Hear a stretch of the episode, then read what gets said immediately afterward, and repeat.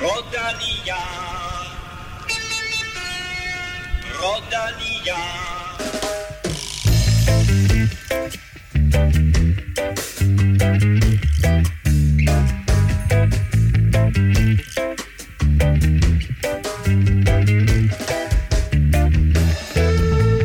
Mathias Gjelmose fik endelig sin første professionelle sejr, da han vandt i Luxembourg. Vi ville gerne have haft Mathias med i dag, men tidsforskel til VM-lejren i australske Wollongong øh, gør det lidt svært.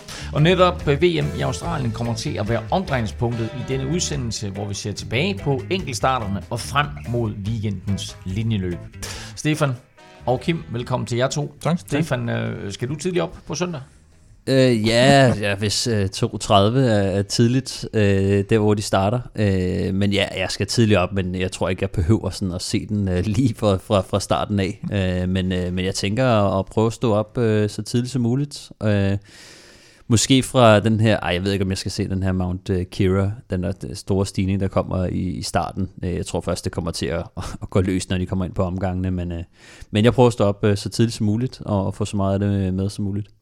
Vi øh, taler meget mere om ruten øh, lidt senere, øh, apropos øh, tidspunkter og tidligt op eller sent i seng, Kim. Øh, du er vel op på natporten alligevel der omkring, så du bliver vel bare op. ja, det passer faktisk meget fint øh, lige omkring... Øh kørte et par, par timer der måske, ikke? Øhm, jeg tror også, jeg står op der sådan ved sekstiden aktivt eller andet. Jeg så, så her på Twitter i dag, kom der jo en, en forspørgsel til os om, uh, hvad han skulle, en, uh, en lytter, hvad han skulle gøre, fordi uh, han, han ville jo ikke uh, ulejlige uh, uh, sin bedre halvdel med at være op der midt om natten. Og, og jeg skrev, at det eneste rigtige at gøre var at lade sig skille uh, senest lørdag aften. Uh, så, så er den jo... Jeg, kan, jeg ved og det, ikke, og lad det være en generel opfordring herfra. Ja, det vil jeg også sige.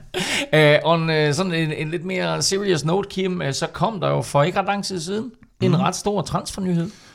Ja, og sådan lidt, jeg ved ikke, en lille smule overraskende for mig egentlig, Adam Yates til UAE. Øhm, han har jo ikke sådan helt fået det til at spille på, på Ineos, og, øh, og så tror jeg lige så meget også det her med UAE, de, de fik jo lidt tæsk i turen sådan rent holdmæssigt, øh, hvor, hvor Jumbo spillede holdet ud mod Pogacar, og det tror jeg godt lige, øh, han kunne tænke sig at få, få lavet lidt om på måske, men øh, det bliver spændende at se, om, om de her, sådan, det er jo sådan lidt nogle individualister, de har fået på holdet stadigvæk, om de kan få lavet et hold ud af det.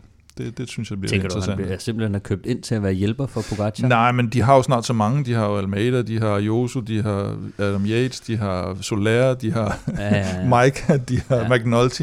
Og, og hver især vil også godt have deres egen karriere. Så det er mere, om de kan... F- altså, Ja. Der var jo også en lille smule uh, altså, internt på, på Jumbo. Det er jo efterhånden uh, cykelsportens svar på livgolf. Ja, de laver deres egen liga. Ja, ja. Jeg synes, det var meget mærkeligt, for vi havde faktisk snakket om ham, at, øh, at han var lige kommet til Ineos for at være deres Tour de France-kaptajn, og han mm. er britte. Øh, og øh, som Kim siger, så rammer han lidt ved siden af, han havde jo corona lige inden øh, Tour de France. Og så var der snak om, at højst sandsynligt ville han forlænge øh, med Ineos. Øh, måske var Bike Exchange øh, interesseret, og øh, så lige pludselig så ender han op øh, hos ja. UAE, hvor man jo dårligt kan forestille sig, hvor han hvor skal han så... Øh, der er mange om, om budet efterhånden, ikke? Ja. Der er, no, der er en Vuelta ledig, måske. måske. Snak med Ayose om det. Ja. Nå, øh, over på øh, Velomandsholdet på Instagram, øh, der øh, betyder VM også en, en ny sang, så øh, hop over og lyt til de bedste ben, hvis du vil øh, sådan i lidt ekstra øh, VM-stemning. Men øh, først en kæmpe tak til alle jer, der lytter med, og en gigantisk tak til alle 10 støtter. I er årsagen til, at vi kan blive ved med at udkomme, og i dag er der øh, igen en ekstra præmie, ud over en Velropa Cup til en af jer øh, heldige vinder. Tak til alle, der har været med i lang tid. Velkommen til. Rokkedal, Peter Gorm, Lars Mass, og så noget taget direkte ud af Brødrene Bisp. Fuk. Ja, okay. øh, og så dig, der sidder derude og måske mangler at tage din første føring, måske er et godt tidspunkt nu, fordi vi har altså den her fede ekstra præmie lidt senere, øh, som vi trækker lov om i de her uger blandt øh, alle, der støtter. Husk også at besøge vores shop. Du kan stadigvæk købe nogle af vores fede Grand Depart t-shirts, eller hoodies, eller andre t-shirts. Du finder shoppen på velropa.com DK. Mit navn er Claus Elming. Du lytter til Velropa Podcast, præsenteret i samarbejde med HelloFresh og Odset. Velropa Podcast præsenteres i samarbejde med Odset fra Danske Licensspil. Husk, at man skal være minimum 18 år og spille med omtanke. Har du brug for hjælp til spilafhængighed, så kontakt Spillemyndighedens hjælpelinje Stop Spillet eller udluk dig via Rufus. Vi lægger ud med en rigtig god nyhed for en rigtig god ven af podcasten, nemlig Mathias Skelmose, som i den forgangne uge om sider fik sin første sejr for Trek Segafredo. Han vandt både enkeltstarten og løbet samlet i Skoda Tour Luxembourg, som øh, løbet officielt hedder nu. Han har taget tilløb til det her et øh, stykke tid, Kim. det må man sige. 27 top 10 placeringer, inden han vinder den her enkeltstart, og så vinder han selvfølgelig også løbet samlet, så så han er, han er, han er oppe på, på næsten 30 øh, top 10 placeringer nu. Øh, men, men man skal jo også lige tage i betragtning, han trods alt kun er 21 år, det er fordi mm-hmm. han har mhm. startet lidt tidligt, at, øh, at vi går og tænker, at han har været med i en evighed. Øh, og, og han fylder jo et øh, 22 år på mandag, så må ikke han kan, han kan jo give sig selv en, en god fødselsdagsgave, hvis han vil. En uh, lille medalje ved VM. Og i forhold til det, du sagde med, med tidsforskellen der, så jeg skrev lidt mere om, da han var på vej ned til Australien. Han landede faktisk først i går aftes mm. dernede, fordi han netop havde kørt uh, Luxembourg. Han sad i en eller anden lufthavn, jeg ved faktisk ikke, hvor det var. Uh, og sagde, at han, han glædede sig til at komme derned og se, hvordan uh, også det taktiske i forhold til, til nu, hvor... Uh, hvor han jo lige har vundet det her løb, og, og, og truppen er sådan lidt, øh, lidt af en blandet størrelse i år, så det, det var han jo spændt på at se, hvordan, hvordan taktik med forløb. Ja, Anders Men, øh, har lidt en, øh, en opgave foran sig. Det kan, vi, det kan vi jo komme tilbage til. Vi kommer tilbage til truppen, og vi kommer tilbage til løbet og, og ruten og så videre, og eventuelt også noget taktik øh, lidt senere. Øhm, vi har haft Mathias med her i studiet, Stefan, og det er jo en selvtillidsfyldt fyr. Øh, hvor vigtig var den her sejr for ham?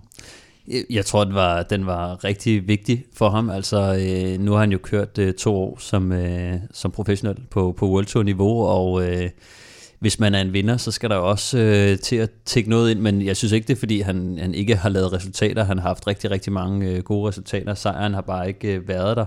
Øh, men det er som sådan ikke, fordi han er presset af særlig meget. Altså, hans, øh, hans fremtid er sådan mere eller mindre sikret, ikke? Og... Øh, Øh, jeg tror bare, det er hans høje forventninger, øh, og det der, hvor han gerne vil hen, at han gerne vil følge den sti sådan rimelig øh, efter planen. Øh, så, så hvis han gerne vil op og, øh, og, og, og vise, hvad han kan i forhold til Grand Tours, øh, og bevise sig selv over for sig selv, over for holdet, så, så skal der også til at falde øh, nogle sejre af.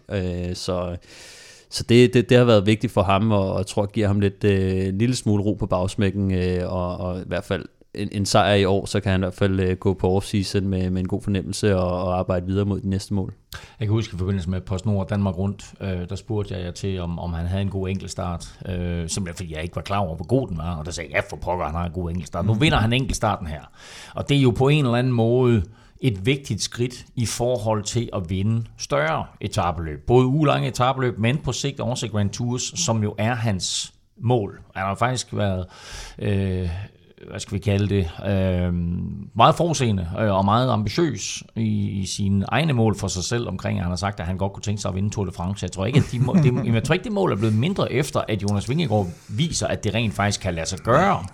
Hvad er, sådan, hvad er potentialet, Stefan, for Mathias?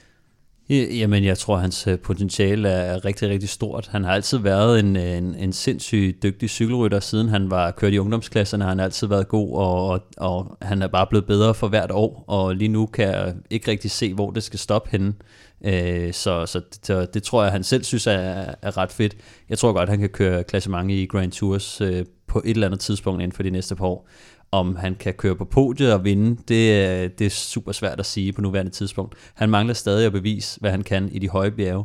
Øh, han har bevist nu øh, med, med podieplaceringer og sejre i de her to pro-løb, som, som er en høj kategori uh, egentlig, altså uh, lige under uh, World Tour statusløbene, det allerstørste løb. Så der har han bevist, at uh, der er han godt med og kan, kan køre med om sejren, men der er stadig lige et skridt op, uh, og han mangler stadig at vise, uh, hvad han kan i de høje bjerge. Jeg tror, i 2023 må forventningerne være, at han kan køre med om, om podiet og sejren i de her i de store ugelange etabeløb, vil jeg sige. Det er der, han er ved at være nu. Way Tour måske. Ja, Paris-Nice øh, ja. måske, øh, hvis, den, hvis det går helt hårdt for os. Ikke?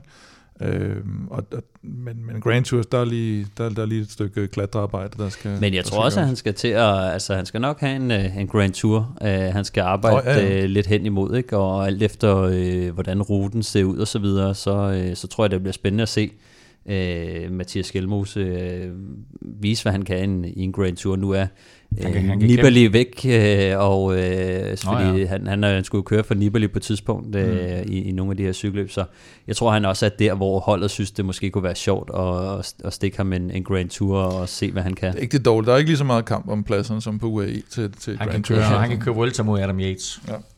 Ja. uh, Mathias Gjelmose vandt Luxembourg rundt med 5 sekunder ned til franske Kevin Vogelin og 17 sekunder foran uh, Valentin Madouas, som ellers førte løbet efter de første tre etapper.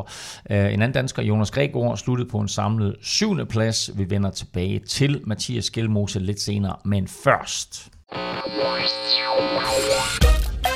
skal vi quizze. Og efter sidste uge, hvor Stefan øh, fik et meget velfortjent point, der er han igen foran med øh, to.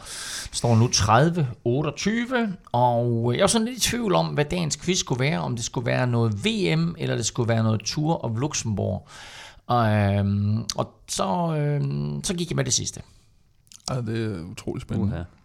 Uha. Ja. Vil du hellere have en VM-quiz? ja, det vil jeg meget hellere. Vil du hellere have en VM-quiz? Det er det, han har forberedt sig. Ja, jo, det er, for, det er Ja, forberedt. det er du for... Jeg kender alle vinder. For, Ja, nej. nej. Øhm, jeg tror, jamen så, jeg, nej, ved du hvad, og i og med, at du Du skal ikke give ham ret. Nej, nej, skal jamen, du det er jo, hvad hedder det? Vi holder fast i, øh, i Tour of Luxembourg-quizzen, eller Skoda Tour Luxembourg, som den hedder nu. Det er faktisk et løb, der har været kørt siden 1935, så det har altså nogle år på banen. Øhm, Skelmose var ikke den første dansker, der vandt løbet. Med hvem der ellers har vundet? Hmm. Nå, okay, det skulle have været quizzen, kan jeg høre. Ja. Øhm, nej, men i 2014, der fik vi to danskere på podiet. Lars Bak. Lars Bak, han blev både nummer 1 og 2. Øhm, Glenbach blev nummer Ja. to måske. Så, øh, og I ser, I ser helt Nej, men det er jo meget bagudskuende quiz, synes jeg, i forhold til... Så du vil, at have, du, du vil hellere have en quiz øh, omkring, hvem der vinder VM. ja, præcis. og så får vi svaret i næste uge. Nå, øhm, nej, der var to, to danskere på podiet, og øhm, jeg skal bare vide, hvem de to de var. Så, øh, Det ombestemmer du dig til nu, fordi vi ikke vidste det. Det kan du se på os. Vi ved, vi ser helt blanke ud. Jamen, altså, hvis, hvis I ser så blanke ud, altså, så jeg, jeg havde egentlig regnet med, at I godt, I godt vidste, hvem den, hvem, i hvert fald hvem vinderen var. Nå, men, så, ved du hvad, så, nu skal I høre. I får, I får en, en, lille, en lille hjælp. Mathias Gjelmose vandt i år. I 2014, der vandt Mati Brechel. I 2012, der vandt Jakob Fuglsang. I 2001, der vandt Jørgen Bo Petersen. Og i 1987, der vandt Søren Lilholdt. Det er faktisk de danske vindere i Luxembourg rundt. Ja. Spørgsmålet var altså, at der var to danskere på podiet i 2014. Mathieu Brechel vandt som sagt. Ja. Hvem kom ellers på podiet? Jeg kan fortælle jer, at det var en holdkammerat Og det var ikke Lars Bak. og en dansker. Så øh, Og det var ikke Lars Bak. måske. Det kan da godt være, det var Lars Bak. Det har jeg da ikke sagt, det ikke var Lars Bak. Så, Okay. okay. så nu skal I altså bare, nu skal I bare finde én rytter. Hvilken anden rytter kom på podiet i Tour of Luxembourg i 2014? Mathieu Brechel vandt. Er spørgsmålet forstået? Det er en vanvittig lang quizoplæg. Det er meget-. Ja, ja, det var en meget snørklet quiz. Men ja, den er forstået. En dansker på podiet. Jeg synes faktisk ikke, det var så snørklet. Nå, jamen, hvis reglerne er forstået, så har jeg kun én ting til jer to, og dig, der sidder og lytter med. Lad nu være med at google. Do you come from a land down under? and go and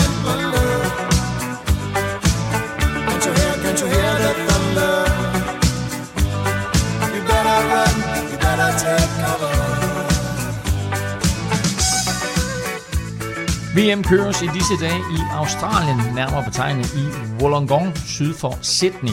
Og inden vi kigger frem mod weekendens linjeløb og de danske muligheder i dem, så lad os kigge lidt tilbage på enkeltstarterne. Og vi starter med kvinderne. Emma Norsgaard leverede desværre ikke den præstation, Stefan, som vi og hun selv havde håbet på. Nej, altså, øh, hun ender på en, på en 14. plads, som er, er langt fra hendes øh, vanlige niveau. Øh, men altså, som hun sagde øh, selv øh, efterfølgende, så er det lidt gået hen og, og blevet et tema, at, øh, at, at hun misser til, til de store mesterskaber. Øh, hun blev også øh, nummer 11 til, til EM for, øh, for en måneds tid siden. Øh, hvor hun faktisk også stod og sagde, at øh, nu, var det, nu var det slut med at køre enkeltstart øh, stort set. Og øh, det er jo lidt mærkeligt, når hun er dobbelt dansk mester i, i, i enkeltstart, og vi har set, at, øh, at hun godt kan køre øh, på enkeltstart, men, øh, men hun rammer altså nogle, nogle off-days ved de her øh, større mesterskaber. Øh, hun kører hun kører op med, med Julie Let, øh, landsmanden, øh, som, som blev nummer 15. Øh, så de lå stort set lige øh, her til, til VM, men øh, til, til DM tidligere på året, der, der slår hun øh, Julie Let med 1 minut og 12 sekunder. Øh, mm. Så det viser også bare, for mig i hvert fald, at... Øh, at Emma Norsgaard er øh, nok øh, har nok potentiale til, til, til lidt mere, men, øh, men, men hun får, som hun også selv siger, lukket smerten ind til, til de her store mesterskaber og, øh, og har bøvlet lidt med, øh, med hovedet i, i den her disciplin, og det er, det er sådan det er sådan en blanding af, af mange ting, tror jeg. Altså, øh, det, det er sidst på sæsonen, det har vi set, at øh, hun også øh, bøvlede med øh, for, var det forrige år, hvor hun havde sin, øh, eller sidste år, da hun havde sin øh, virkelig, virkelig gode sæson, hvor hun også brændte lidt ud øh, mod slutningen af sæsonen. Så, så det, det, det kan der være mange årsager til, men øh, jeg tror også, at hendes motivation øh, har været lidt øh, knækket. Så til trods for, øh, for at hun er dansk mester, så, øh, så, så, så er hun altså ramt ved siden af øh, endnu en gang. Og det, det tror jeg er noget, som, som kan sætte sig lidt øh, på... Øh, ja, på, på det mentale plan egentlig, og det, det, det håber jeg lidt, hun kan, hun kan vende sig af med. Altså, hun har jo også en, øh, en kæreste i Mikkel Bjerg, der er en dygtig enkeltsartsrytter, så, så jeg håber da, at øh, de kan, de kan de kan få det vendt lidt, og hun kan, kan, kan vende tilbage øh, og, og blive lidt stærkere i den her disciplin. Det var til gengæld ikke den store overraskelse, at det blev Ellen Van Dijk, der vandt VM i enkeltstart. Det var nemlig hendes tredje guldmedalje i disciplinen, som øh, hun i år vandt foran Grace Brown og Marlon Reus, og som du sagde, Stefan, så blev øh, dansk Let altså nummer 15. Øh, men den største overraskelse af dem alle, den fik vi hos herrene, hvor der var norsk guld, og den forsvarende mester skuffede. Ja, altså Philip Ogana havde jo, øh, der havde vi jo, kan man sige, vi jo vendt os lidt til, at han er verdens bedste øh, mm. enkeltsartsrytter, øh, og vi har set det så mange gange før, at han bare kan knuse alt med modstand, når han er på toppen, men han har ikke helt været på sit vanlige niveau, synes jeg, specielt ikke her i de sidste halvår. Øh, så selvom det så øh, lidt lovende ud, da han så vandt den her øh, korte prolog i, i Tyskland rundt, da de egentlig kørt på almindelige cykler også, øh, og den var kun øh, hvad var den, 2,5 km lang eller sådan noget, så, øh, så, så tænkte man, okay, der må være lidt form på, og, og han, han har selv været ude at sige, at tallene så egentlig fornuftige ud, men altså, det var lidt tydeligt på dagen, at man sige, ved første mellemtid, øh, der var de ret tæt, mm. øh, og så øh, fra første til, til anden mellemtid, der, der kunne man godt se, at der, der tabte han øh, meget terræn, og, øh, og, og ender jo altså med en, øh, med en syvende plads øh, til sidst, så, så han går ret meget ned øh, efter, efter en hurtig start. Øh det virker lidt som om, at han måske er begyndt at blande lidt for mange ting sammen i sådan en sæson. Så skulle han vinde Paris-Roubaix, og han skulle øh, gøre mm. det godt i Tour de France, og han skulle vinde VM i enkeltstart, og han skal slå teamrekord nu her. Og så vil han ikke også vinde Milano Sanremo faktisk, tror jeg. Var også frem på et tidspunkt. ja, ja. Det er som om det der skift af fokus øh, mm. fra at have været sådan decideret enkeltstartsrytter til, til de her mange forskellige øh, ambitioner, at det måske har fjernet lidt lidt, lidt fokus for den der ja. suverænitet, han har haft. Altså, det undrede mig faktisk også lidt, fordi at øh, hans timerekord, der er en tre uger til, øh, den 8. Mm. oktober. oktober, han skal, han skal forsøge at slå øh, den timerekord, som øh, ham her, Britten øh, Dan Bickham, han satte øh, tidligere i år. Så jeg tænkte egentlig, at han ville være i, i fantastisk øh, form på nuværende mm. tidspunkt, øh, men det kan også godt være, at øh, som Kim siger, der er blevet blandet for mange ting sammen. Øh, måske har han kørt rigtig, altså nu har han jo øh, også lige kørt cykelløb, men han skal også ind og køre på banen, og, ja, og måske lidt... Banen, øh, ja, rigtigt. Øh, ja, altså... Øh, der er så, virkelig mange så øh, der, ting der, der er rigtig mange ting, øh, og Ja, altså det, det var en mere teknisk rute, end, øh, end, end, end kan man sige, jeg havde regnet med, og det, det så vi jo. Men han har bare virkelig så uslåeligt. Ja, han skal stadigvæk vinde på en rute som den der, ikke? Jo, altså, men altså... Han, stykker til, at han skal kunne... Jo, men jeg tænker også, at øh, altså, han, han ramte jo også, nu ved jeg godt, at enkeltstarten i Tour de France heller ikke var lige til, men, øh, men der mm. rammer han også øh, rimelig meget ja. forbi, ikke? Og, og øh, Ja, altså jeg, som sagt, jeg, jeg synes, øh, han har været lidt off i år, men jeg tror også, øh, som, som Kim han, øh, han siger, at øh, der, der har været rigtig mange høje målsætninger for ham, og der altså, han er altså misset øh, på, på flere af dem lige nu. Med Filippo Ganna ude af spillet, så var vejen jo banet for den ellers øh, evige toer, øh, din navnebror Stefan, Stefan Kung, øh, og øh, at der måske var en mulighed for, at han kunne tage øh, skridtet op på det øverste trin og vinde en guldmedalje. Ja, netop. Altså, den, den evige toer øh, er han måske ikke. Eller det, vi, vi, vi er vant til at se ham øh, sådan akkurat lige misse nogle af de, mm. de store sejre. Øh, men han har øh, vundet EM i enkeltstart øh, to gange, øh, så, så, så han kan jo det godt. Er jo, det er jo nærmest en straf at køre med den, tror jeg. det er det altså, men, men jeg vil sige, han lignede jo også en sejr her i lang tid med, med bedste mm. tid på, på den første mellemtid. Øh, og så tabte han ellers øh, en lille smule øh, tid øh, undervejs, øh, i hvert fald til, til nordmanden øh, Tobias Foss. Han var foran med, med to sekunder på første mellemtid, foran med 11 sekunder på anden mellemtid, og så da de kommer i, i mål, der, øh, der er han tre sekunder bagud. Øh, så noget tyder på, at han øh, måske har, øh, har pacet den en lille smule forkert, øh, og, og måske også Tobias Foss har, har gemt lidt i tanken til, til den sidste del. Så ja, altså lidt, lidt synd for øh, Stefan Kyng, øh, som jo nu er blevet nummer to til, øh, til VM, øh, nummer to til EM, og med, med meget, øh, hvad hedder det, øh, små markner. Altså det er ganske få sekunder, så... Øh, mm. Så der er også, øh, der, han mangler bare den her store sejr, altså sådan noget med en, en Tour de France enkeltstart, øh, en VM-titel eller en stor klassiker, som mm. han jo også øh, mangler at få øh, og har, har gjort det rigtig godt i. Så, øh. Det er også som om, at altså, den her gang, den skulle han jo have vundet. Ikke? Altså nu var chancen der. Remco var heller ikke sådan helt på toppen, han var stadigvæk super god, men havde selvfølgelig lidt Vuelta i benene, Garner misser ud, Mm. Så, så, ligger, så kommer fucking Tobias Foss lige ja, pludselig ind for højre. Ikke? Og det gjorde han jo, fordi... Ja, men det så man også med Remkos reaktion. Ja, ja, der når Remkos reaktion var jo vidunderlig der. Han står og bliver en tvivl. Har du set, at han står og drikker vandflasken, og så er der en reporter, der siger, eller jeg tror, han spørger reporteren, hvem på vundet, og så siger ja. de Foss, og så siger han, Foss? øh, men, men Tobias Foss, nordmanden, han vinder, og det gør han, fordi Stefan, han måske, som du siger, pacer den rigtigt, og får kørt stærkt til allersidst. Vi kender ham jo nok mest for, for hans sejr i Tour de l'Avenir. Mm. Øh, og så spørger man sig selv, er han nu lige pludselig også blevet enkeltstartspecialist, eller havde han bare lige dagen? Øh, ja, men altså begge dele, tror jeg faktisk lidt. God. Han altså, har altid været god på enkeltstarten, ikke?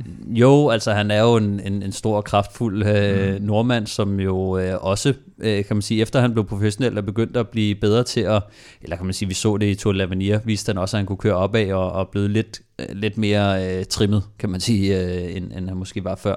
Men altså, det er jo hans øh, klart største resultat, og begyndt at blive en mere moden øh, cykelrytter. Øh, 25 år er han nu, øh, og kan man sige, jeg havde ikke, jeg havde ikke set den komme, fordi hans, mm. øh, hans, hans, lige i år har han faktisk ikke haft, øh, haft det super godt. Han har øh, haft sygdom, øh, han har haft styrt, og øh, han har også haft, øh, som man selv har været inde på, overtræning øh, på, på, på sin højdetræningslejre. Øh, både før Giroen, øh, hvor han så fik en, en rimelig skidt øh, Giro. Han blev 9 øh, sidste år i, i, i klassementet, så, så forventningerne var jo, at han nok ville forbedre den i år, og øh, der misser han mm. altså fuldstændig ved siden af. Han øh, får også øh, overtrænet op til øh, Vueltaen, hvor de så ender med ikke at tage ham med. Øh, og det, øh, det betyder jo så også bare, at, øh, at kan man sige, at han ikke har haft så mange øh, løbsdage, men, øh, men har haft rigtig mange øh, træningstimer, og, øh, og han nok har haft øh, motivationen øh, lidt intakt. Så hvis man kigger på øh, for eksempel hans, øh, hans løbsdage, så, øh, så har han kun haft 38 øh, løbsdage i år, og kun ni løbsdage siden øh, Giroen, hvilket jo er... Øh, ni løbsdage siden Giroen? Mm, siden Giroen, wow. ja. Og det er jo fordi, at øh, kan man sige, hvis, hvis det er gået skidt med, med træning, og han har været i overtræning, og meldingerne har været skidt øh, over forholdet, at han siger, jamen jeg, jeg er simpelthen så smadret, at øh, så, så vælger de jo højst sandsynligt at tage, tage en anden med, fordi de er så stærkt på, øh, på de store profiler. For eksempel sådan som Kyng, altså han har haft 37 løbsdage siden, G, øh, hvad hedder det, jo, mm. siden Giroen, Øh, så øh, stort set lige så mange som, øh, som øh, Tobias Foss har haft øh, hele året, og han havde altså et rimelig travlt øh, forår, så, øh, så det er sådan noget, øh, der, der kan betyde noget sidst på sæsonen. Øh, motivationen øh, og friskheden øh, spiller lidt ind, og det, det er sådan noget, som jeg tror, at har lige givet en edge til, til Tobias Foss, som selvom han, altså, han kører jo vanvittigt stærkt, øh, jeg så hans... Øh, hans watttal, han kører 416 øh, watt i, i snit på de her 40 minutter, og øh, han vejer kun øh, 74 kilo. Så måske også lidt i den tunge ende af en, øh, altså mere en powerful øh, klassementsrytter end, end de der helt øh, lette mm. rytter. Ikke? Så, øh, og så ved vi jo bare, at, at kan man sige, i forhold til, om han er blevet enkeltstart specialist, så, så ved vi jo bare, at Jumbo Visma, de bruger rigtig mange ressourcer på det, og vi har set, hvad de har gjort med Øh, ja, først Roglic øh, har de jo gjort øh, sindssygt god på, på enkeltstarten. Wout van Aert er også blevet et øh, enkeltstartsfænomen. Jonas Vingegaard har mm. også øh, lige pludselig, øh, kan man sige, blevet en, en, De kører en magtfaktor der. Kim, han har altid været fan af Cervelo-cyklerne, men, men jeg tror i, i det hele Det kan taget... man ikke se på den måde, han vedligeholder sin egen. Så, så ja, altså, de, de, de kaster mange ressourcer i det, og, mm. og jeg tror, han har haft noget friskhed, og viser altså bare, at han er en øh, klasserytter. Jo, men vi skal også huske, da han netop, som du siger, bliver nier i Giroen sidste år, Ja. der er han jo som minimum på højde med Vingegaard i hierarkiet på Jumbo Visma. Der har Vingegaard Ja. lavet det der hjælpearbejde i Vueltaen. Han har ikke lavet sin anden plads i turen endnu. Ej, og de er nogenlunde jævne Ja, det er rigtigt, det er rigtigt. der, der, der, der, står de nogenlunde lige på, og nu, det gør de så ikke efter Tour de France i år. vel? så, så derfor så, øh, skal man også huske, hvor han, hvor han kommer fra talentmæssigt. Ikke? At, at det klart. er et kæmpe talent, men øh, der bare ikke har fået det til at spille. Og altså, jeg, jeg, altså, det er lidt sjovt, at jeg kan huske, at jeg kørte mod ham, øh, inden han blev øh, professionel, øh, dengang han kommer fra, fra Lillehammer-området der, og, og kørte i Lillehammers øh, klub. Øh, så altså, jeg, jeg kan bare huske, at, at der blev snakket om ham her. Altså, han var et stort talent, og han kørte i den her lille, øh, lille Lillehammer-klub, mm. øh, hvor han har kørt øh, UCI-løb i, i Danmark, og, og jeg var oppe og køre nogle af dem i Norge, hvor at jeg kunne se, sådan, at han var virkelig god, og han var alt for stor til, til at køre godt i, i, i bjergene, tænkte man. Øh, men, øh, men det har så gjort, at, at jeg har fulgt ham øh, lige siden dengang, altså tilbage i, det, 2014-15 stykker, øh, og bare set ham øh, ja, leve op til det potentiale, som, øh, som, som, øh, som, ja, som, de, som de sagde. Altså, og han kom jo hurtigt ind på det her Team Joker, som, øh, som var det store, øh, det store hold i Norge dengang, øh, indtil, ind, indtil de så øh, lukkede, og, og så kom øh, Tobias Foss jo så ind på, på Uno X, så endnu en af de her øh, Uno X-profiler, øh, som, øh, som er blevet til noget. Og nu er han også blevet verdensmester i enkeltstart. Tobias Foss vinder med 3 sekunder til Stefan Kyng og yderligere 6 sekunder ned til Remco Evenepoel. Filippo Ganna blev altså kun øh, syv og næsten et minut efter øh, Tobias Foss, og så blev Mikkel Bjerg bedste dansker 1 minut og 30 efter jer. Jeg læste også et sted, at han jo havde øh, enten glemt sin øh, skinsuit, eller han lånte i hvert fald en eller anden to år gammel skinsuit. Noget. Ja, fra Nå, en wow. øh, landsholdskammerat, tror jeg det var. Nå. Øh, hvilket gør det endnu mere sindssygt, han lige brænder sådan en... Øh, han havde bare en god dag, tror Vi jeg. ved ikke, om det var tilfældet også for en anden nordmand, fordi de var slet ikke færdige, øh, nordmænd, med, lånt med, med, med, at vinde enkelt start og med at overraske, fordi øh, hos U23-herrerne, der var det nemlig den 22-årige Søren Værnskjold, øh, der tog titlen, og det gjorde han jo så fra, fra danske hænder, som jo ellers har haft den i, hvad er det, er det fem ud af de sidste seks år, at den har siddet på danske rytter, ikke med, med Wirtz og Mikkel Bjerg og, og Johan Price Petersen. Petersen. Øh, Øhm, Stefan Søren Mm. Jamen altså, øh, han var jo, altså, han var jo nok min, øh, en af de store favoritter øh, til, til at tage den samlede sejr. Han blev øh, nummer 4 til øh, U23 VM sidste år, og han blev nummer 2 til EM, så, øh, så, så, så han, er, han er deroppe af. Han, han vandt også en etape i Tour de l'Avenir, øh, altså ikke en enkelt start, men, øh, men bare en etape. Øh, og, øh, og så vandt han også øh, prologen dernede sidste år. Øh, så han er en mand, der godt kan køre, øh, køre stærkt. Øh, og, øh, men undervejs, der så det faktisk ikke ud som om, at, at han ville vinde, fordi at øh, han startede lidt mere konservativt ud, og ham her, øh, Alec Segard fra, fra Belgien, han, øh, som også er europamester i, i U23-disciplinen, han, øh, han startede ud med, med fuld knald, øh, og... Øh, og til sidst så, øh, så får øh, Søren Værenskjold øh, lidt på samme måde som Tobias Foss øh, kørte sig tilbage i løbet, så, øh, så endte han altså også med at, at stå øverst øh, på, øh, jeg tror det var, ja, var det anden, de havde en, en mellemtid mere faktisk, fordi de kørte, øh, de kørte lidt, øh, lidt en anden rute, men, øh, men han var altså øh, foran til sidst. Og det viste sig så også bagefter, at han havde sagt, at han havde fået øh, et, et par råd fra, fra Tobias Foss om, at øh, det ville være en god idé lige at gemme en lille smule i tanken til, til det sidste, fordi at der er de her bakker her, de kunne godt øh, punktere... Øh, så nogen, der, sådan, øh, der sled virkelig med det. Sel, Ja. ja. Selvom man kan sige, at de så ikke sådan forfærdelige ud, og, mm. øh, stigningerne, men, men man kan godt se, at nogen, de var Ja. bare helt væk. Men og det, det, det der, når man kører, når der er nogle bakker på, øh, på de der enkeltstartsruter, og der er en teknisk rute, så, øh, så bliver det lidt mere tricky med, med pacet, fordi at øh, med en teknisk rute, så, så kan man faktisk køre lidt over niveau, altså øh, fordi man får de der små pauser i, i alle svingene. Øh, og så også med, med bakkerne i, så, så lidt mere udfordrende rute og, og, og sådan kan man sige pace. Hvis man bare kører øh, ud og hjem, så er det lidt nemmere bare at lægge sig på, øh, på sit niveau, mm. og, og så er der kun et vendepunkt. Men, øh, men det, det blev lidt mere tricky, og, og endte så med at give ham en lille fordel i, at han havde gemt lidt i tanken. Og det var klogt, fordi det endte altså med norsk guld både hos herrene og øh, hos U23 herrene. Søren Værenskjold vinder med 17 sekunder foran belgiske Alex Sikkert, og så med Leo Hader på tredjepladsen. Hans storebror Ethan Hader blev fire. Øh, ja, han, øh, han havde defekt undervejs. Han havde, altså, han havde helt sikkert fået medalje. Spørgsmålet er, om han kunne have kørt mere om sejrene. Ja, han, han misser halvt til et helt minut på den der. Tager kæden, prøver at få den på, stopper op, får en ny cykel, ser helt opgivende ud, og sådan der er lang tid om at komme Og bliver stadigvæk fire. Og bliver fire. Det er meget godt. Øh, så, så det var sgu... Øh, det var ærgerligt for ham. Vi bliver lige i 23 rækkerne kort, for vi skal lige vende vores øh, to danske drenge, Karl Frederik Bevort og så Adam Holm Jørgensen. Og det blev øh, sådan henholdsvis en skuffende og en overraskende præstation af de to, Stefan. Ja, altså Adam Holm Jørgensen, øh, han var jo nok den, vi havde størst forventninger til. Øh, men han ramte øh, en off-day, kan man vist øh, godt sige. Altså han, sige. øh, han ender som nummer 30. altså fuldstændig øh, bag om dansen, øh, selvom han egentlig har leveret nogle rimelig gode præstationer på, på enkeltstarterne.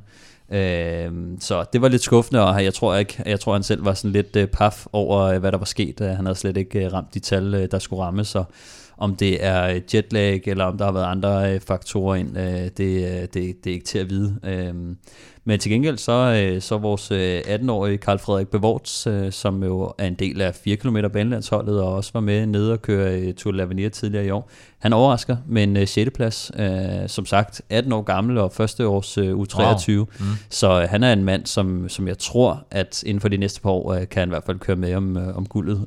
Så han bliver slået med, er det 36 del for femtepladsen eller sådan noget. Så det var, han lå på et tidspunkt, sad han jo på, i hot seat, og det var sådan, der blev han skubbet ud af hot seat med ja, de her 36 del. så på en eller anden måde var det rart, at der ja. kom nogle andre og slog dem med lidt mere. Til gengæld så undrede jeg mig rigtig meget over, at uh, Mathias Malmberg, han ikke, uh, han ikke var til start. Altså, uh, han er dansk mester uh, i U23 uh, enkeltstart, uh, og har lige vundet uh, enkeltstarten nede i det her etabeløb, nye etabeløb, som hedder uh, hvad hedder det, Flanders Tomorrow, øh, som egentlig, selvom det er et nyt løb, så er det ret øh, prestigefyldt, øh, når, når Belgien de, de slår sådan et øh, ungdomscykelløb øh, op. Øh, og det, det undrer mig meget, at han slet ikke var udtaget, fordi at i mine øjne, så var han nok øh, den bedste U23 øh, rytter vi har, øh, og var et rigtig godt bud på en, øh, på en medalje, og måske endda en, en guldmedalje, men øh, af en eller anden grund, så, så har han ikke været udtaget af, af Anders Lund, så øh, det, det har undret mig lidt over, fordi jeg, jeg synes, det havde været sjovt at, at have ham dernede, men, øh, men Anders, han har, han har måske sat sig øh, lidt anderledes. Åbenbart. Vi skal vel også lige vende øh, kort og bjerg, eller bjerg og kort, på, når vi snakker ja, jeg tror, jeg nævnte, at Mikkel Bjerg blev bedste dansker som 14'er, Nå, okay, og ja. Magnus Kort, Kort blev 21. 21. 21. Ja, han, han lignede også en, der bakser lidt med bakkerne faktisk kort. Han, han, ja, han leder lidt efter formen, kan man sige. Ikke? Og så, jo, og så, ja, altså, vi skulle jo stille med to mand, ikke? Altså Søren Krav mm. var jo udtaget til enkeltstarten, og da han så melder fra, så er det Magnus Kort, der får pladsen, og øh, mm. Monik han bare kigger frem til på søndag og til, til linjeløbet. Ja. Inden vi skal tale om linjeløbet lidt senere, så skal vi lige have lidt at spise. Aftensmad. Stressende indkøb i ulvetimen. Ingen tid til et hjemmelavet måltid. Med Hello Fresh er oplevelsen anderledes. Du får enkle opskrifter og lækre retter, som hele middagsbordet elsker. Skræddersy din måltidskasse på hellofresh.dk for friskende enkelt. For nu skal vi nemlig snakke mad og måltidskasser, og faktisk en forbedring af det tilbud, du længe har kunne få her gennem Velropa Podcast. Fordi lige nu, der kan du spare hele 765 kroner, hvis du vil prøve Hello Fresh. HelloFresh er måltidskasser med sund og varieret kost, masser af forskellige opskrifter og muligheder, og du kan prøve fire uger nu med en rabat på 765 kroner. Gå ind på hellofresh.dk og brug koden VELROPA22.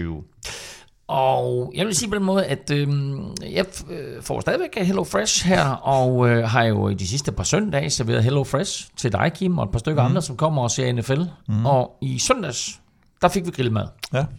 Fordi der var jeg nødt til at lave al maden på grill.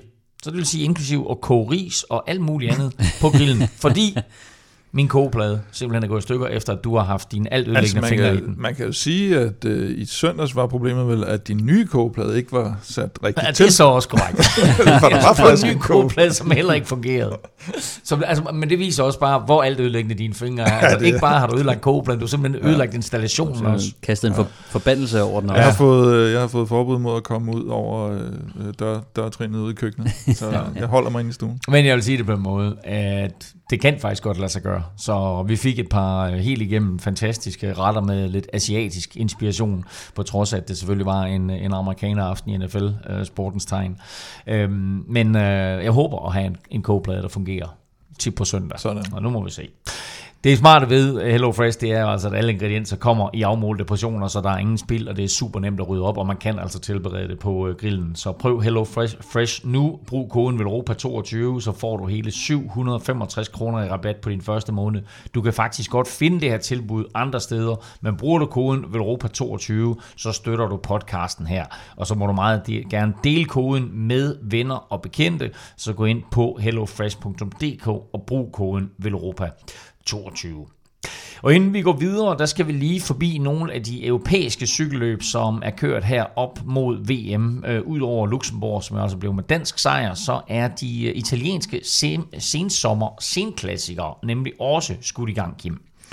Ja, og vi havde jo øh, en Ineos sejr, sådan, jeg skulle næsten til at sige en, en sjælden. De, de har ikke øh, vundet det helt, helt store her. Du er Øh, bortset fra Carapaz's tre sejre i... Ja, åh, men stadigvæk var, det, stadigvæk var det lidt en skuffelse, at han ikke, øh, han ikke kom højere op i, i, i klassementet. Men øh, Daniel Martinez, han øh, synes lige, han skulle vinde øh, Coppa Sabatini, et af de her klassiske Var det ikke den øh, valgdag, man sidste år? Mm, åh, jeg kan Nå, simpelthen undskyld, ikke jamen, det, det, kan, det kan Stefan lige undersøge. Ja, Ja. Stefan må gerne Nå, google. han vandt det jo, jeg tror sgu... Han vandt to i Han træk, ikke? to, Jeg tror, du har ret, ja. Uh, han vandt både uh, Sabatini og, hvad hedder det andet? Uh, Giro della Toscana. Det var sådan, det var, ja. Øh, men han vinder foran øh, endnu en nordmand, Odd Christian Eiking, og så Gu- Guillaume Martin. Øh, men så bliver Andreas Kron jo faktisk 8 i det her ret stærkt besatte løb, fordi nu de skal ud og score point, de her hold, så Ja. det, der, er altså ikke, der bliver ikke givet ved dørene. Og derfor er Andreas Kron jo heller ikke med til VM. Nej, lige præcis, og, øh, og han, kunne, han kunne nok godt med den form være, være, være brugt på et dansk VM-hold, men, øh, så, men sådan er det. Og så skulle de jo så køre Memorial øh, Marco Pantani her i weekenden, men det blev aflyst på grund af dårligt vejr, og jeg vil sige, jeg så nogle Så af billederne. det dele med, hvad dårligt Jamen det var det. Okay. Det var, det var sådan, at jeg så et billede af en lastbil, som, altså, du kunne ikke se dækkene eller hjulene på, på lastbilen, og det, altså, der var vand, altså, det var helt oversvømmet. Nå, Så det, det gav slet ikke nogen mening at, at, køre det løb. Så den, øh, den var der vist ikke så meget tvivl om. Og, En af VM-favoritterne, Mathieu van der Poel, øh, han har vundet øh, de seneste tre løb, han har kørt. Øh, senest øh, GP eller Grand Prix Wallonie i onsdags. Og øh, skulle have kørt øh, Primus Classic i weekenden, men de planer blev ændret, Kim. Ja, man synes åbenbart, at han havde vist øh, god nok form med, med tre sejre i god rap. form. Ja, og så tænker jeg, det, og, og, for stor risiko måske, hvis der var lidt nervøsitet i det løb der. Øh, netop også med alle de her øh, folk, der hungrer efter point. Det er fandme nærmest ligesom at se dem i sæsonstarten, ikke? At, at, øh, at de skal alle sammen ud og, og køre noget race. Så jeg tænkte, ved du hvad, vi, øh, vi smutter til Australien i stedet for og siger, at øh, den opvarmning er god nok. Og, øh, og han er også, øh, altså vil sige, han, han, han ligger meget godt til, til, til det løb dernede, tror jeg. Og masser ikke med, så der er en vis sandsynlighed for det. Ja, så han ikke bliver kørt i smadret på en af bakkerne. Øh, så vinder ham her, øh, Jordi Meus, jo øh, løbet foran øh, Arnaud Demar. Og så Demar, han tænkte søndag, nu vil han da også godt vinde, så han vinder den her Grand Prix i Sberg øh, om søndagen i stedet for. Så, øh, så hvad hedder det? Ingen, øh, ingen Van der Poel der, men øh, til gengæld topform i Australien. Og så kan vi ikke komme udenom, Stefan, at et af sæsonens Ja, ja, det- helt store løb også er blevet kørt. Jamen, det er jo Det er Goixepeil. som, du, øh, som du nævner her, ikke? Altså, og det er jo... Øh, det er jo et dejligt løb, øh, hvor man kører øh, nogle, nogle omgange nede i øh, den, den belgiske flække Goik. Sjov nok. Så det er den, den er Goik, den hedder Goixepeil. Goikse pil. Ja, Ja. det er ikke den Øh, flamske pil, det er, det er den gøjske pil. Den goikske pil. Og det, det er et et løb, øh, sådan et sprinterløb, øh, er det egentlig, som egentlig er blevet blomstret mere op, øh, siden, øh, siden jeg kørte det. Øh, tilbage. Det er efter, du har kørt det. ja, så det blomstret kørte op. Det. Og dengang jeg det var i 2018 øh, i Var det ikke det sidste Sileregn. løb? Åh, det tror jeg, der var. Måske kørte jeg nogle danske løb bagefter. Okay. Men øh, det var i hvert fald der, hvor jeg tabte sutten fuldstændig. øh, men dengang, der vandt det ham her, Jordi Meus, faktisk øh, løbet. Øh, og det, men det gjorde han f- øh, i, et, i et ret stærkt øh, udbrud, øh, så vidt jeg husker det, hvor vi også havde øh, Martin Så er det ham, der netop har vundet. I, øh, hvad var det, du sagde, Kim? Han Primus. netop har vundet. Primus, ja. Ja. Han vandt, Han vandt, da øh, Stefan den kørte uh, Goix. Øh, Sejt. Og siden da, altså så er der faktisk så er der jo kommet endnu flere stjerner med. Altså øh, siden, siden 2018, så har Ackermann vundet det, øh, Danny van Poppel har vundet det, og Fabio Jacobsen har vundet det.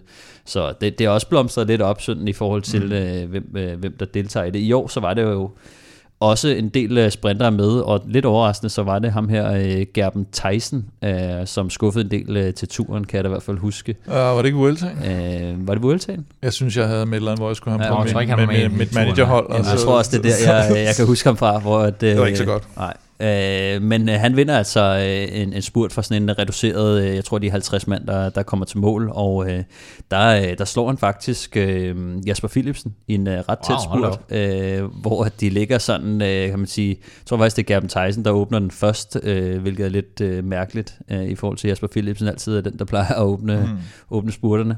Øh, men, øh, men det er jo en stærk sejr til, til, til Gerben Tyson, og øh, bare for at nævne nogle af de andre sprinter, der også var med i, i top 10 i hvert fald. Øh, Dylan Kronevæggen var med, Arne Delie var med. Wunderkind. Øh, ja, Wunderkind her øh, med, med de, alle de UCI-pointene. Og øh, Christoph var også i top 10, så, så der, der var ret mange øh, store stjerner med i, i Flot sejr er Gerben Thiesen i Goix Pile. Øh, og nu skal vi så videre, ikke med øh, Goix Pile, men derimod med en lækker ekstra præmie til en af vores 10 støtter. Og øh, i de her uger her, der har vi jo tre øh, t-shirts, ikke t-shirts, men cykeltrøjer til øh, udløjning fra mærket Blue de Chêne. De har nemlig lavet sådan en ultra fed retro-trøje, trøje, som nu kan blive din. Jeg vil sige det på en måde, jeg har været ude og cykle i den, og mm. den er mega fed. Øh, trøjen ikke bare sådan ligner noget fra historiske cykelbilleder, den er også lavet efter de gamle dyder med øh, 50% uld, og det giver altså, øh, jeg synes, en overraskende lækker følelse og varme og øh, åndbarhed, så jeg har kørt et par ture i den og er meget, meget glad for den, og den kan Er altså det den, de, den, de vinder, du har kørt i? Hvad bare? Er det den, de, de vinder, du har kørt i? Nej, det, det, det synes jeg vil være synd. Uh, Det giver dig sådan lidt ekstra. Nej, nej, de vinder, og man kan selvfølgelig selv bestemme størrelse, så øh, vinderen øh, får lov til lige at bestemme, øh, hvilken størrelse han vil have tilsendt, når han vinder. Øh, det er en retro-trøje, og Blue Channel har altså kun lavet 100 styk. Vi har tre styk til udlodning her, og udlodder altså den første i dag. Og øh, Stefan, vi skal have fundet vinderen af en Blue Channel retro cykeltrøje, og naturligvis også en kop.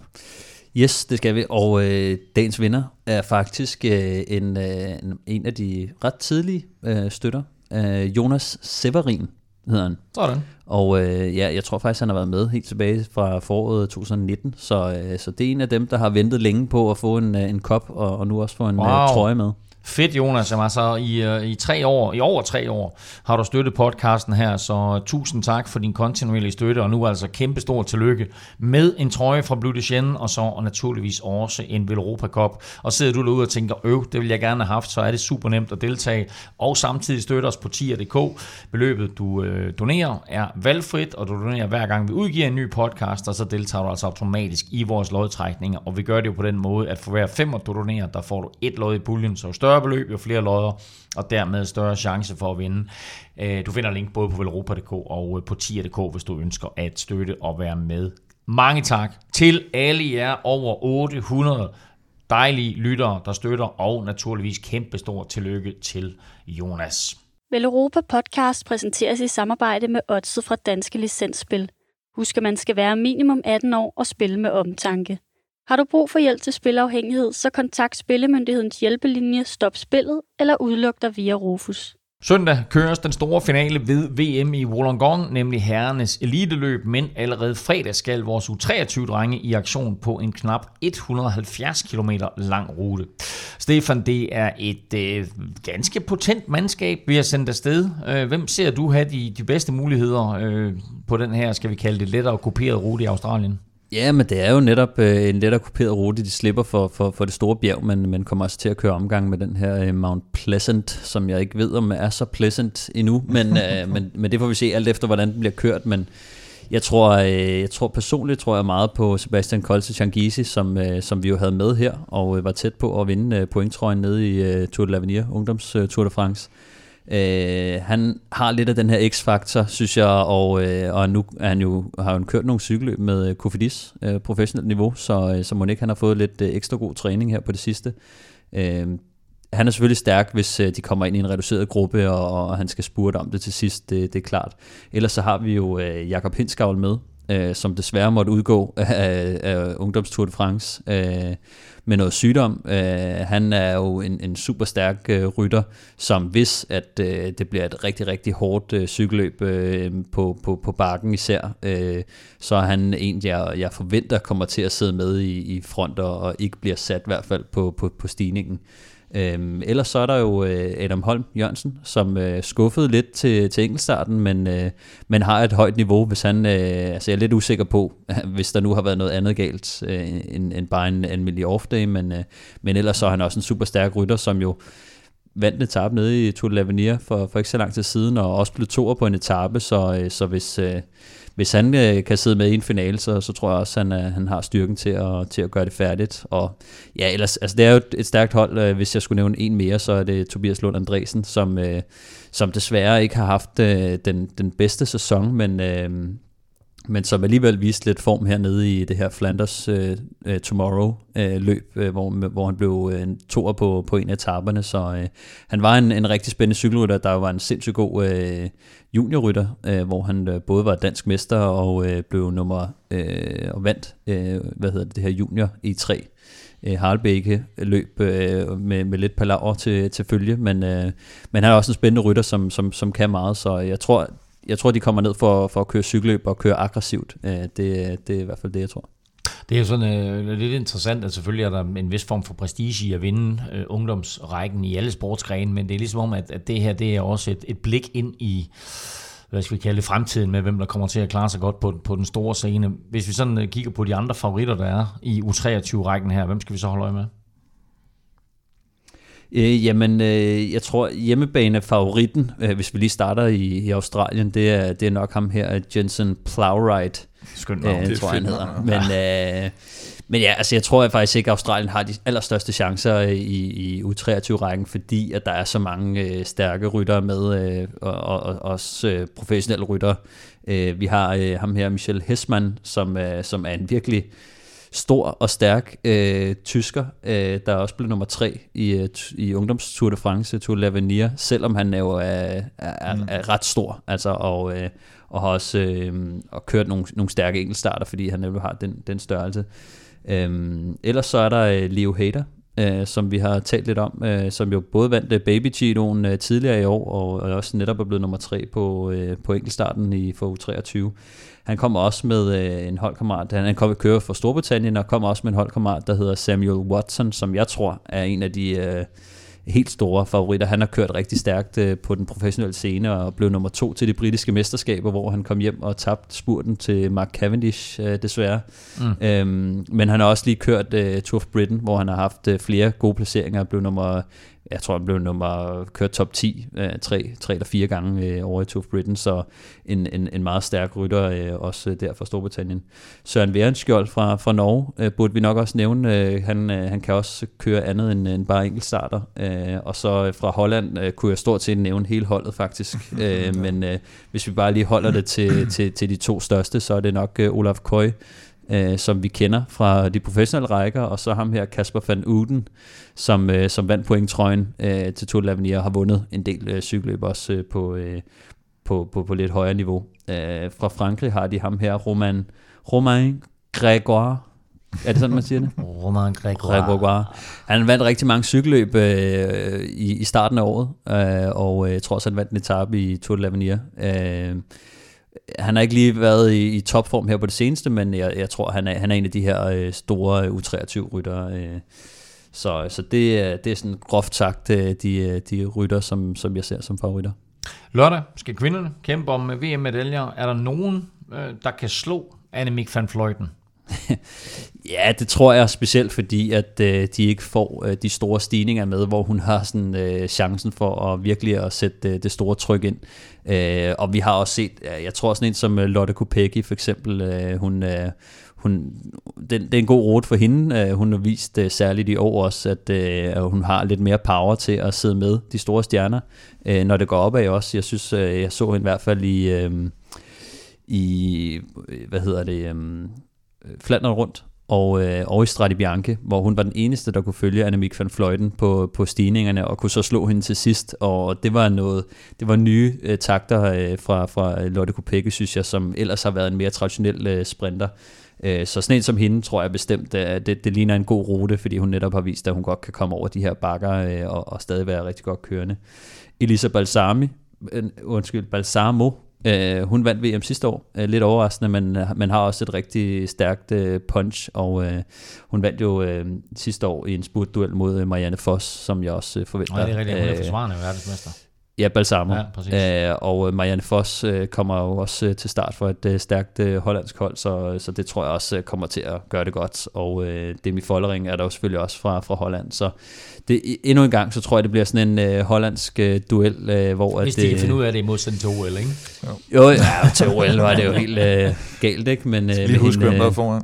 hvad hedder hun? A- Anna Kiesenhofer, tror jeg, Ja, faktisk, ja, hed, hende, fra der Østrig, fik lov til at stikke afsted. Øhm, men ja, det, det er nok de uh, navn. Og du nævner ikke nogen af danskerne. Øh, hvis jeg sådan lige tænker og, ser ruten her, altså Cecilie Utrup, øh, kunne vel godt lave et stort resultat? Ja, bestemt. Altså, øh, det er ikke fordi, jeg ikke vil nævne Cecilie, men øh, vi har jo fire ryttere med. Det er Cecilie Utrup Ludvig, Emma Norsgaard, Julie Let og Rebecca Kørner. Og, øh, men altså, jeg synes, ruten ser rigtig, rigtig fin ud til, til sådan en som øh, Cecilie Utrup, øh, som jo også vandt det her Tour of Scandinavia tidligere øh, i år, øh, og viste, øh, hvad, hun, øh, hvad hun kan.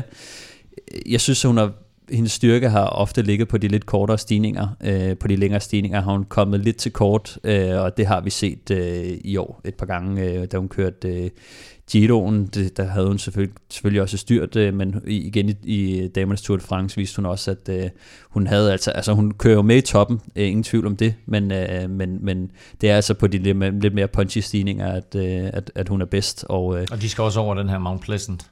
Mm. Netop, og den er jo kun en kilometer lang, øh, og øh, selvfølgelig er den lidt skarp i det, og skal det, de skal over den flere gange, og øh, jeg tror, at øh, der skal selvfølgelig komme lidt taktisk spil, øh, og så skal hun prøve at, at, at, at gribe chancen, og det kan hun jo gøre med, der er jo rigtig mange øh, af de her, kan man sige, enkeltstående rytter, hvor at, øh, der er en, øh, måske en Grace Brown fra Australien, eller et eller andet, nogle af de her rytter, som, som gerne vil komme lidt i forkøbet, som, som mangler spurten, øh, hvor mm. at øh, Balsamo, Marianne Foss og Kopecky, de gerne vil sidde og, afvente lidt, og har måske et par holdkammerater til at trække den hjem, så jeg håber, det bliver lidt mere kaotisk, og, og Cecilia, hun, hun griber ud efter det på et eller andet tidspunkt. Lad os bare håbe, at øh, det er en lille forsmag øh, fra Cecilia. Hun måske får en medalje, det bliver en, en forsmag på, hvad vi kan opleve øh, om søndagen, fordi øh, det er her, hvor herrenes øh, eliteløb skal køres, og det er altså på små 267 km. Kim, hvad bliver sådan nøglepunkterne på ruten? Ja, men vi har jo snakket meget om den her Mount Pleasant, men der er jo også, øh, som Stefan nævnte i starten af udsendelsen, den her Mount Keira, Keira tror jeg den hedder.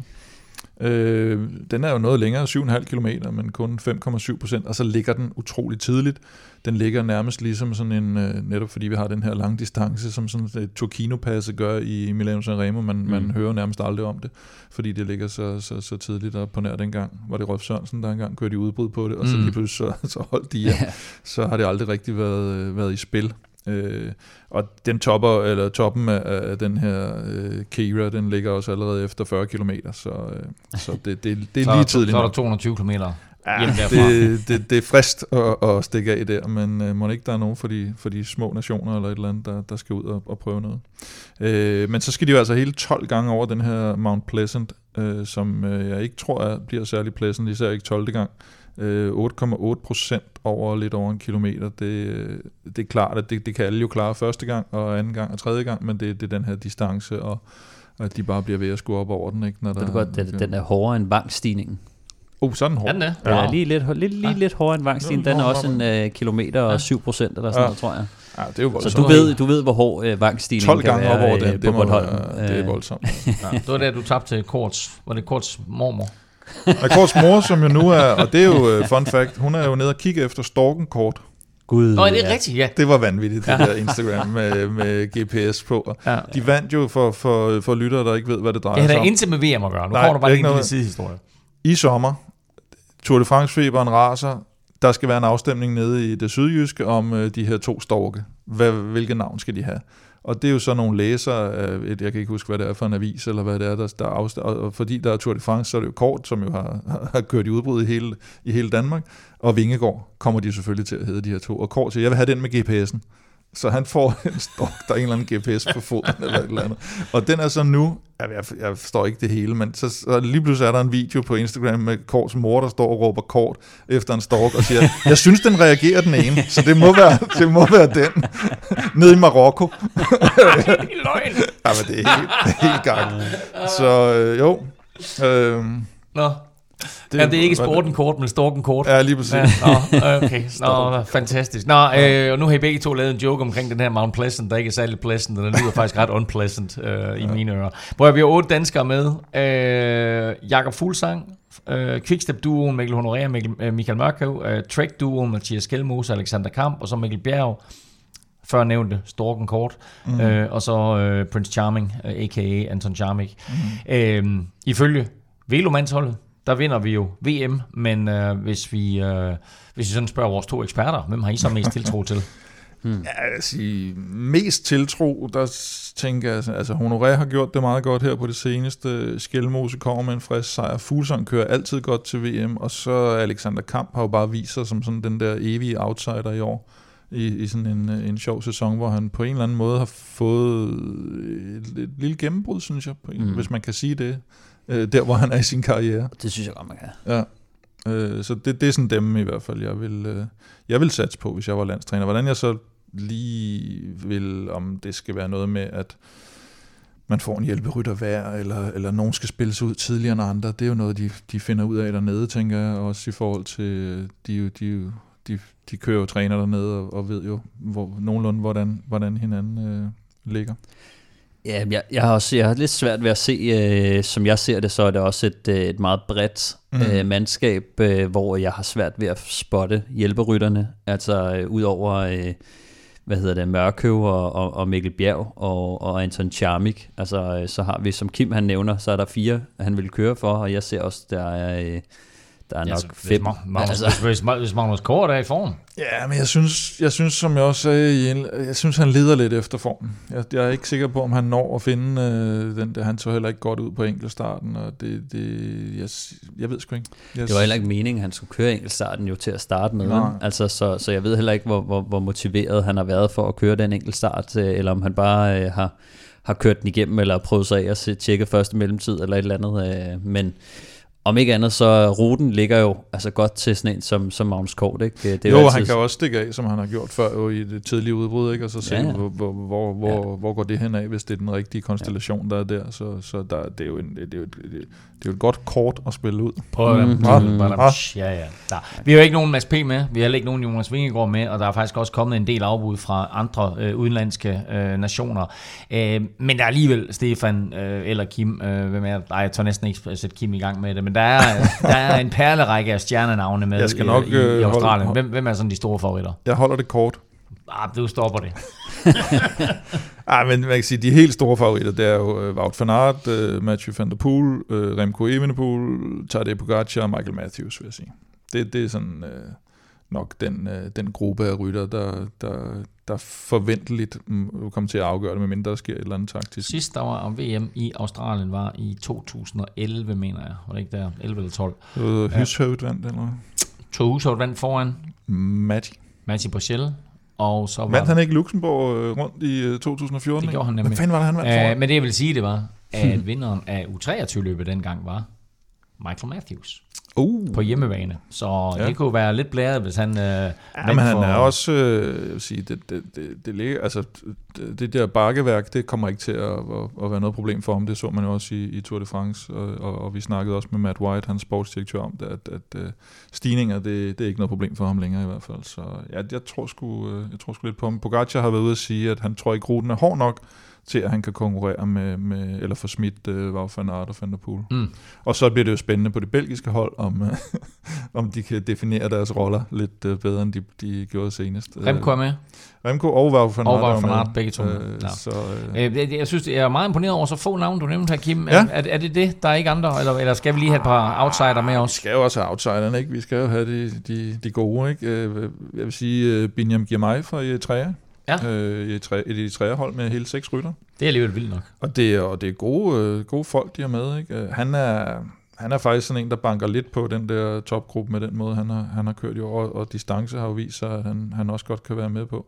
Øhm, så synes jeg, Frankrig kommer med et rigtig stærkt hold. Øh, normalt har de jo den dobbelte, dobbelt forsvarende mester, eller Philippe, med som øh, spydspids, men efter alt hans øh, styrt det ene sted og styrt det andet sted, så er det nok spørgsmålet, hvad form han kommer i. Øh, og, og så har de jo altså nogle rytter som øh, Cosnefra, Madouar og ikke mindst Christophe Laporte, Mm. vinder af det store løb Danmark rundt. Og Senechal, Bardet, jeg kunne blive ved. Det er, det er, det er i hvert fald nok det, det bredeste hold. Men spørgsmålet er, om de har den der top, øh, som de lidt mangler med, med Alaphilippes øh, manglende form, og det kan blive deres øh, akilleshæl. Ethan Hader, øh, Leo Hader storbror, og så Fred Wright, som jo har været her der alle vejen, øh, er nok de sådan, bedste på Storbritannien, og så har Italien også sådan lidt en bred trup uden decideret topnavn med, med Becciol, Trentin, Ballerini og Baggioli som de mest prominente. Og det bliver selvfølgelig Filippo Ganna, der vinder. jeg tror ikke, jeg er ikke engang sikker på, om han er med i, er han med i uh, linjeløbet? Det er jeg faktisk ikke engang sikker på. Øh, det tror jeg faktisk... Øh, Eller skal han være det, når han er med på enkeltstarten? Det kan jeg Det ikke engang er han faktisk øh, ikke. Nej, vel? Øh, til gengæld så blev han jo slået af Tobias Foss, og øh, ham skal vi jo selvfølgelig nok også regne med i, i linjeløbet, med den form, han er i. Øh, og de har også liggende sund, øh, Rasmus Tiller og Alexander Kristoff. Så øh, man skal vel ikke helt udelukke, at det kan blive en, øh, en norsk verdensmester i Australien igen. Øh, og så er der en, man måske slet ikke skal udelukke, når det gælder VM. Det er jo så Peter Sagan, som lige har været ude og sige, jamen det kan da godt være, at han øh, vinder VM i Australien, og så stopper karrieren. Tredobbelt verdensmester. Hvad fint lige at, at slutte med et, øh, en, endnu, endnu en VM-titel. Øhm, lad, os prøve at, øh, lad os prøve at se lidt frem. Lad os kigge lidt ned i krystalkuglen. Hvem tror I, der står øverst på podiet som ny verdensmester på søndag? Jamen, øh, jeg siger Van der Poel. Øh, hvis du hopper så stort et løb som Primus Classic over, så, øh, så er det fordi, du vil være verdensmester. Og Mathieu van der Poel. Jeg tror, det er hans tur.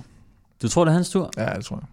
Ja, men øh, det, det er meget muligt. Han, øh, han gik jo ned øh, med fladet tidligere i år, ikke? så det kan være, at nu er der gået lidt tid.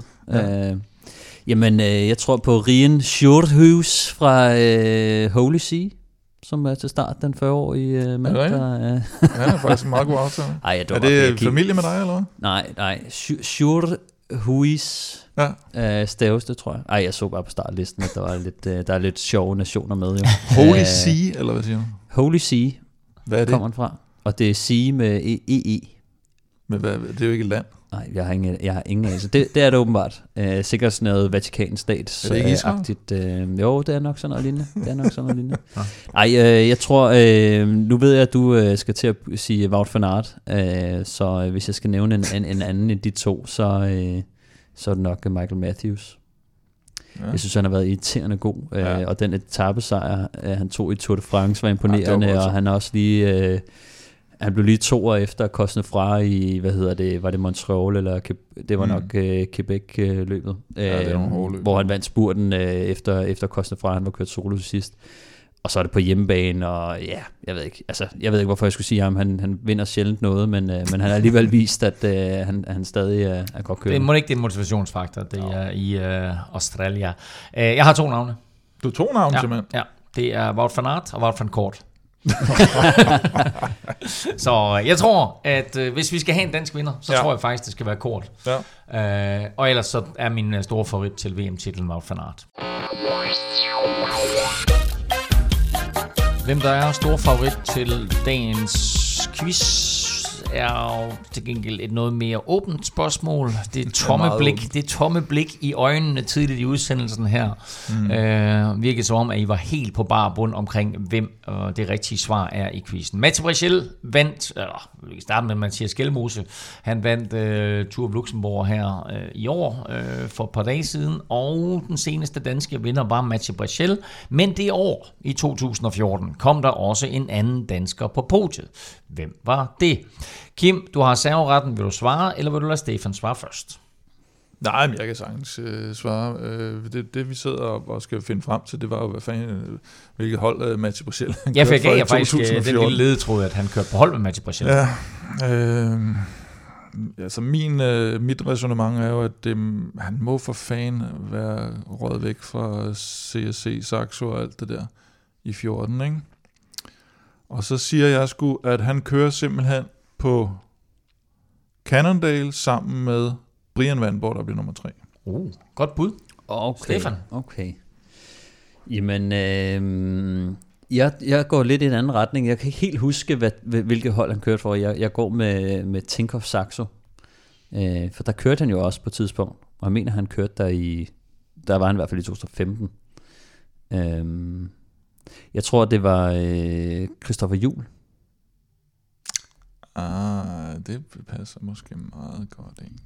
Nå, det ved jeg, det ved jeg ikke. Det er et godt Det er bud. mit Det er, det er begge to rigtig gode bud, og begge to er naturligvis fuldstændig forkerte. Øh, jeg har taget med det her spørgsmål, fordi ham vi leder efter er med i VM-truppen. Det er ikke rigtigt. Nej, Så hvem er det? så må det jo være The, the Focal Sang. Så har han lige været på en afstikker til Astana lige der, og kørt sammen med Fuglsang, eller hvad? Det er fuldstændig rigtigt, at han kørte for Tinkoff Saxo.